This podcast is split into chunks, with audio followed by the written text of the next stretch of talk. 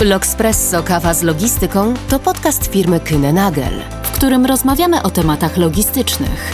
Przybliżamy kwestie związane z transportem i organizacją łańcucha dostaw oraz przedstawiamy aktualną sytuację rynkową. Po to, byś zawsze był na bieżąco dla swojego biznesu. Zapraszamy do wysłuchania.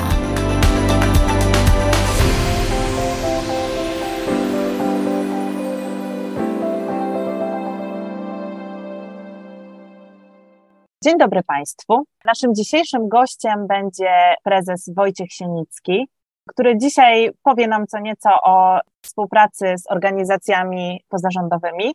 No i zacznę może takim pytaniem, e, nawiązując do tytułu naszego podcastu. Czy smakuje Panu dzisiejsza kawa? I jaką kawą Pan zaczyna dzisiejszy podcast? Oczywiście, że smakuje mi dzisiejsza kawa. Jest to nasza kawa z naszego ekspresu, który jest bardzo dobry i dlatego bardzo lubię pić tą kawę. Cieszę się, że możemy spotkać się dzisiaj przy kawie, mimo że po obu stronach ekranu. Ostatnio wiele mówi się o odpowiedzialności społecznej i jej znaczeniu w prowadzeniu firmy. Co to oznacza dla Pana i co jest dla Pana najważniejsze w prowadzeniu biznesu odpowiedzialnego społecznie? Myślę, że bardzo ważną częścią w tym zakresie jest społeczna odpowiedzialność biznesu jako sposób prowadzenia działalności. Wymaga to zdefiniowanej strategii zarządzania, która uwzględnia takie elementy jak y, impact społeczny i środowiskowy firmy oraz relacje z otoczeniem, to znaczy z pracownikami, klientami i innymi interesariuszami w naszym procesie. W tym aspekcie dotyczy to szczególnie etyki zarządzania i zapewnienia przejrzystego i etycznego postępowania w wymienionych aspektach. Mówimy teraz o CSR, a jaka jest różnica między CSR a ESG? Te pojęcia są czasem używane zamiennie. Czy znaczą to samo? Jak je rozróżniamy? Są to bardzo podobne y, obszary, ale istnieją różnice. Pojęcie CSR jest w naszym słowniku już kilka lat. Kiedyś biznes identyfikował odpowiedzialność społeczną z aspektem głównie społecznym właśnie, a to jest naszym zdaniem błąd. CSR to jest całościowa wizja firmy. Te działania CSR-owe wspierają realizację strategii biznesu odpowiedzialnego i programów środowiskowych czy społecznych, ale nie są jej podstawą. Z drugiej strony ESG, czyli environment, środowisko, social, społeczności i corporate governance, czyli ład korporacyjny, jest szerszym zagadnieniem. Bazuje ono na podejściu ilościowym rejestrujemy wyniki zgodne z kryteriami i planujemy przyszłe działania. W kwestiach środowiskowych to innymi mierzenie i analizowanie zużycia energii, wody czy wskaźników związanych z gospodarką odpadami. W odniesieniu do ładu korporacyjnego to posiadanie i respektowanie kodeksu postępowania, czyli norm etycznych i wzorców postępowania. ESG to też aspekty społeczne, dbałość o pracowników, o relacje z klientami, z całym otoczeniem firmy. Od czasu European Green Deal zaczęliśmy mówić bardziej o ESG, o takim terminie dla inwestorów. Przewiduje się, że za chwilę będzie się mówiło o jeszcze innym, nowym pojęciu, głębiej wchodzącym w tą tematykę. Mhm. Dzisiaj w rozmowie z Panem chciałam e, się skoncentrować na tym impakcie społecznym. Nagel podejmuje partnerstwa z organizacjami e, non-profit, z organizacjami dobroczynnymi, ale też ze startupami pozytywnego wpływu, jak na przykład WashWash. Dlaczego Pana zdaniem warto to robić? Uważam, że warto, dlatego że odpowiadają one na ważne wyzwania społeczne w wymiarze lokalnym bądź nawet globalnym. Nie są finansowane przez rządy, skutecznie realizują swoje działania mają wiedzę, ekspertyzę, know-how, interesują się tymi, którym ciężej, nie są bierni i obojętni y, na życie innych, a przy tym są prowadzeni przeważnie przez pasjonatów, którzy widzą głęboki sens w tym, co robią. Jak taką współpracę nawiązywać? Co jest ważne dla obu stron z Pana perspektywy? Co poleciłby Pan liderom biznesu na przykład? Myślę, że trzeba zacząć od ustalenia strategii firmy, komu i jak chcemy pomagać, bo potrzebujących jest dużo i żadna firma nie pomaga tak po prostu wszystkim. To jest niemożliwe. I dalej poszukiwać podmiotów do współpracy, które spełniają te kryteria. Jeśli już wiemy, z jaką inicjatywą chcemy się, w jaką inicjatywę chcemy się zaangażować, komu jak chcemy pomóc, określamy cele i zakres działania, określamy budżet i zasoby, planujemy działania w harmonogramie, ubieramy go w ramy czasowe i inicjujemy aktywności. Takie systemowe podejście jest bardzo ważne, bo bez odpowiedniej struktury nasza działalność będzie nieefektywna. E, warto odzywać się bezpośrednio do danego stowarzyszenia, fundacji i z doświadczenia wiem, że e, cechuje te organizacje niebywała otwartość, dzięki której pakiet wsparcia może być dostosowany do możliwości firmy. Co bym polecił przedsiębiorcom, zarządom, liderom biznesu? Przede wszystkim warto, aby taka współpraca była spójna z misją i celami firmy i tym, co cenią i chcą pielęgnować jej pracownicy. Polecam zastanowić się, zrobić rozpoznanie, sprawdzić, czy wybrane organizacje są wiarygodne, aktywne, czy działają i jak działają. Dobór partnera jest bardzo ważny. Są e, na rynku też wyspecjalizowane podmioty, które pomagają wybrać taką organizację. Warto, aby był to e, przemyślany ruch pod każdym możliwym aspektem i podkreślam również, że ważne jest, żeby te cele były tożsame z tym, co chcą robić również pracownicy w danej firmie. Jeżeli to nie będzie współgrać, to znowu możemy napotkać na przeszkody w realizacji tych celów. Pracownicy naszej firmy sami niejednokrotnie angażują się w rozmaite działania prospołeczne. Czy jest to sterowane odgórnie czy oddolnie? Powiedziałbym, że trochę tak, a trochę tak. Mamy oczywiście inicjatywy odgórne, i społeczność pod nazwą Blue Fall Green, e, a także komitet CSR, który powstał właściwie z inicjatywy oddolnej. Pracujemy również nad strukturą wolontariatu pracowniczego i muszę zauważyć, że pracownicy się angażują w rozmaite akcje. Utworzyliśmy na to specjalną przestrzeń, gdzie każdy może łatwo podzielić się swoim pomysłem. To właśnie taka przestrzeń na lokalne, oddolne inicjatywy. Sami w ramach komitetu koordynujemy, sterujemy tymi ogólnokrajowymi inicjatywami y, i współpracą y, z organizacjami non-profit. Dzięki Blue for Green i dzięki pracy Komitetu CSR zorganizowaliśmy na przykład wiele zbiórek, zbiórki zużytych baterii i małej elektroniki, odzieży biznesowej lub toreb na laptopy. Zbieraliśmy też buty dla bezdomnych i w tym roku odzież dla uchodźców z Ukrainy. Tę inicjatywę Wash Wash dodatkowo jako firma wsparliśmy finansowo, przeznaczając środki na dezynfekcję tych rzeczy. Organizujemy też cykliczne zbiórki karmy i materiałów, które potrzebują schroniska dla zwierząt. Z inicjatywy działu Kyushi z zewnętrznym dostawcą realizowaliśmy także webinaria z tematyki Zero Waste, czy gospodarki odpadami. Bez inicjatywy pracowniczej, takiej zwykłej chęci pomocy, myślę, że większość z tych aktywności w ogóle by się nie odbyło. To prawda, że zaangażowanie pracowników jest bardzo ważne. Sama zresztą angażuję się w szlachetną paczkę i wiem, ile to też daje pracownikom. No i właśnie, czy y, to nie jest tak, że właśnie te działania bardzo integrują pracowników? Czy taki aspekt można nazwać jako sytuację dwojga zwycięzców, win-win? Wygrywa firma, która wspiera i NGO, ponieważ mają wsparcie. Oczywiście, że tak. To jest na pewno działalność y, win-win dla obu podmiotów.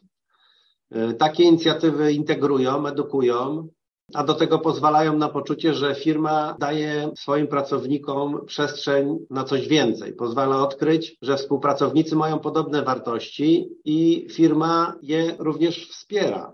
E, do tego takie wspólne zaangażowanie wielu osób w akcję potęguje współpracę, uwrażliwia i promuje działania na rzecz innych. Zresztą pojawia się tu też aspekt edukacyjny. Przy współpracy z organizacjami często prosimy o prowadzenie wewnętrznych webinarów dla pracowników. Wspólnie z organizacjami tworzymy lub otrzymujemy dodatkowe materiały, broszury, e-booki. Super się to sprawdza. I my też to wspieramy. Przy okazji na przykład siania łąk w lokalizacjach logistyki kontraktowej stworzyliśmy z firmą specjalizującą się w tym e-book. Wysłaliśmy to do klientów i do e, pracowników jako prezent. Taki dodatek do życzeń wielkanocnych. Zachęcamy przez to do tworzenia własnych łąk kwietnych, siania ziół czy nawet warzyw w swoich ogrodach, na balkonach. Dołączyliśmy do tego broszury, jak to zrobić, jak rozróżniać nasiona i dlaczego to ważne dla środowiska. Bardzo podobają mi się te inicjatywy. Jako dopełnienie tej współpracy inicjatywy nagraliśmy podcast o łąkach, a nawet o lasach z Fundacją Las na Zawsze. Przy współpracy ze Szlachetną Paczką również mamy wsparcie stowarzyszenia. Prowadzone są wewnętrzne webinaria, omawiamy na nich historię rodzin, poziom wsparcia, czy na przykład rozmawiamy o raporcie obiedzie rocznej publikacji Fundacji Wiosna. Są to bardzo wzruszające i y, bardzo ważne dla wszystkich uczestników spotkania. Jakie wspólne przedsięwzięcia zrealizowaliśmy z sektorem trzecim w minionym roku 2022? Było to szereg inicjatyw. Pod koniec 2022 roku zrealizowaliśmy akcję związaną z 30-leciem firmy. Wspieraliśmy Stowarzyszenie UNICEF Polska i Stowarzyszenie Wiosna i jej dwa projekty społeczne, wspomnianą już Szlachetną Akademię Przyszłości. Szlachetna Paczka to projekt szczególnie nam bliski, ponieważ od lat pracownicy wspierają rodziny i działają razem, tworząc piękne paczki na weekend cudów. Akademia Przyszłości to projekt, można nazwać jako długoterminowa współpraca. Spotykamy się z dziećmi objętymi programem w lokalizacjach Kinenagel, przygotowujemy dla nich warsztaty, w tym roku dzieci odwiedziły nasz magazyn przy płycie lotniska Okęcie w Warszawie. Jestem obecny na tych spotkaniach, więc wiem, ile radości wzbudzają te spotkania. Dotujemy jeszcze pajacyk Polskiej Akcji Humanitarnej, nie bezpośrednio, ale wspieramy też Fundację Poland Business Run, promując tę inicjatywę wewnątrz firmy i opłacając pakiety startowe dla pracowników. W ostatnich miesiącach roku wraz z Fundacją Las na Zawsze posadziliśmy wspólnie bioróżnorodny las pod Bydgoszczą. Wspieramy także działania UN Global Compact, która akurat nie jest organizacją pozarządową, a inicjatywą. W ubiegłym roku sfinansowaliśmy również powstanie uli Kinenagel i tym sposobem wspieramy pasieki rodzin pszczelich. A więc jest tych inicjatyw bardzo, bardzo dużo, a liczę, że będzie ich w przyszłości jeszcze więcej. E, skoro ma być faktycznie ich więcej, no to jak Kynenager chce dalej rozwijać i promować współpracę międzysektorową? Przede wszystkim staramy się rozważnie dobierać partnerów do współpracy, bo podobnie e, jak e, nasi klienci stawiamy na długofalową i rzetelną współpracę bazującą na wartościach i wspólnych celach. Analizujemy kolejne nasze procesy i potrzeby w zakresie redukcji CO2, czy też stania się bardziej zrównoważoną ekologicznie organizacją. I takich partnerów w tym zakresie będziemy potrzebować, e, z którymi będziemy mogli e, rozwijać się i my, i oni z nami. Powołaliśmy też osobę na stanowisko menedżera do spraw zrównoważonego rozwoju, jako jedna z pierwszych organizacji KN w Europie która odpowiada za naszą współpracę ze wszystkimi organizacjami, których cele i wartości są zgodne z naszą nową korporacyjną strategią. W roku 2022, tak jak Pan wspomniał, zrealizowaliśmy akcję charytatywną związaną z 30-leciem Kynynagel w Polsce. No i nagrodą e, było właśnie wybranie, do kogo trafi 60 tysięcy złotych, na którą organizację pozarządową. Skąd taki pomysł na organizację takiego konkursu? Chcieliśmy świętować nasz jubileusz w inny niż dotąd e, sposób. Wiem, że to wyjątkowy czas nie tylko dla firmy i pracowników, ale też dla naszego otoczenia. Nie działamy sami na rynku, mamy tego świadomość. Pomysł zaczął się od wspólnego spotkania pod koniec 2021 roku. To był czas przygotowań szlachetnych paczek. Widzieliśmy, ile magii działo się w zespołach przygotowujących te dary.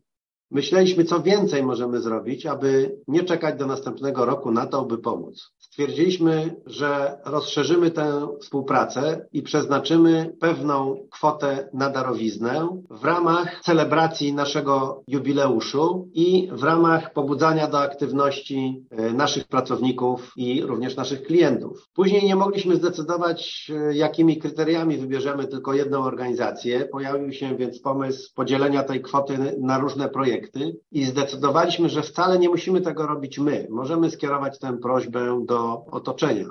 W wyniku tego działania pod koniec roku uczestnicy naszych quizów, którzy rozwiązali dobrze zadania tego quizu, wybrali właśnie dwie organizacje, którym przekazaliśmy e, dotacje na ich działalność. Uważam, że ten sposób celebracji różnych jubileuszów powinien się rozpowszechnić, ponieważ jest to na pewno działalność prospołeczna, prośrodowiskowa i yy, myślimy, że jesteśmy pionierami takiego działania, z czego się bardzo cieszę. Firma jest też doceniana w wielu rankingach oceniających taką działalność firmy pod kątem środowiskowym, społecznym i zarządczym. E, macie określone cele w tym aspekcie? Oczywiście jesteśmy dumni z każdej nagrody i każdego awansu w rankingach, które, w których startujemy. To pokazuje po prostu, że środowisko, branża, eksperci doceniają nasze zaangażowanie na rynku polskim, a to jest oczywisty powód do dumy.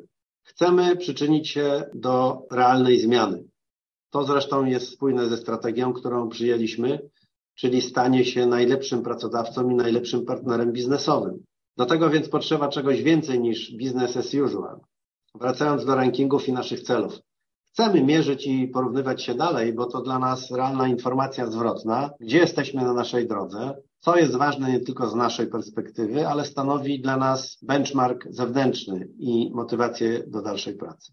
Cele definiujemy sobie w każdym z tych trzech aspektów społecznym, środowiskowym i zarządczym ale nie robimy tego, aby być lepszym w rankingach, ale po prostu, by działać na rzecz zrównoważonego rozwoju. ESG, wspólnego dobra nas tu i teraz oraz tych, którzy będą zamieszkiwać naszą planetę za parędziesiąt czy kilkaset lat. Bardzo dziękuję za tę inspirującą rozmowę i dziękuję również Państwu za wysłuchanie. A ja dziękuję bardzo za tą bardzo ciekawą inicjatywę, żeby, żeby zrobić ten podcast, bo myślę, że te rzeczy, o których mówiliśmy, trzeba właśnie rozpropagowywać i starać się, żeby coraz więcej osób do nas w tym aspekcie dołączało. Dziękuję bardzo za rozmowę.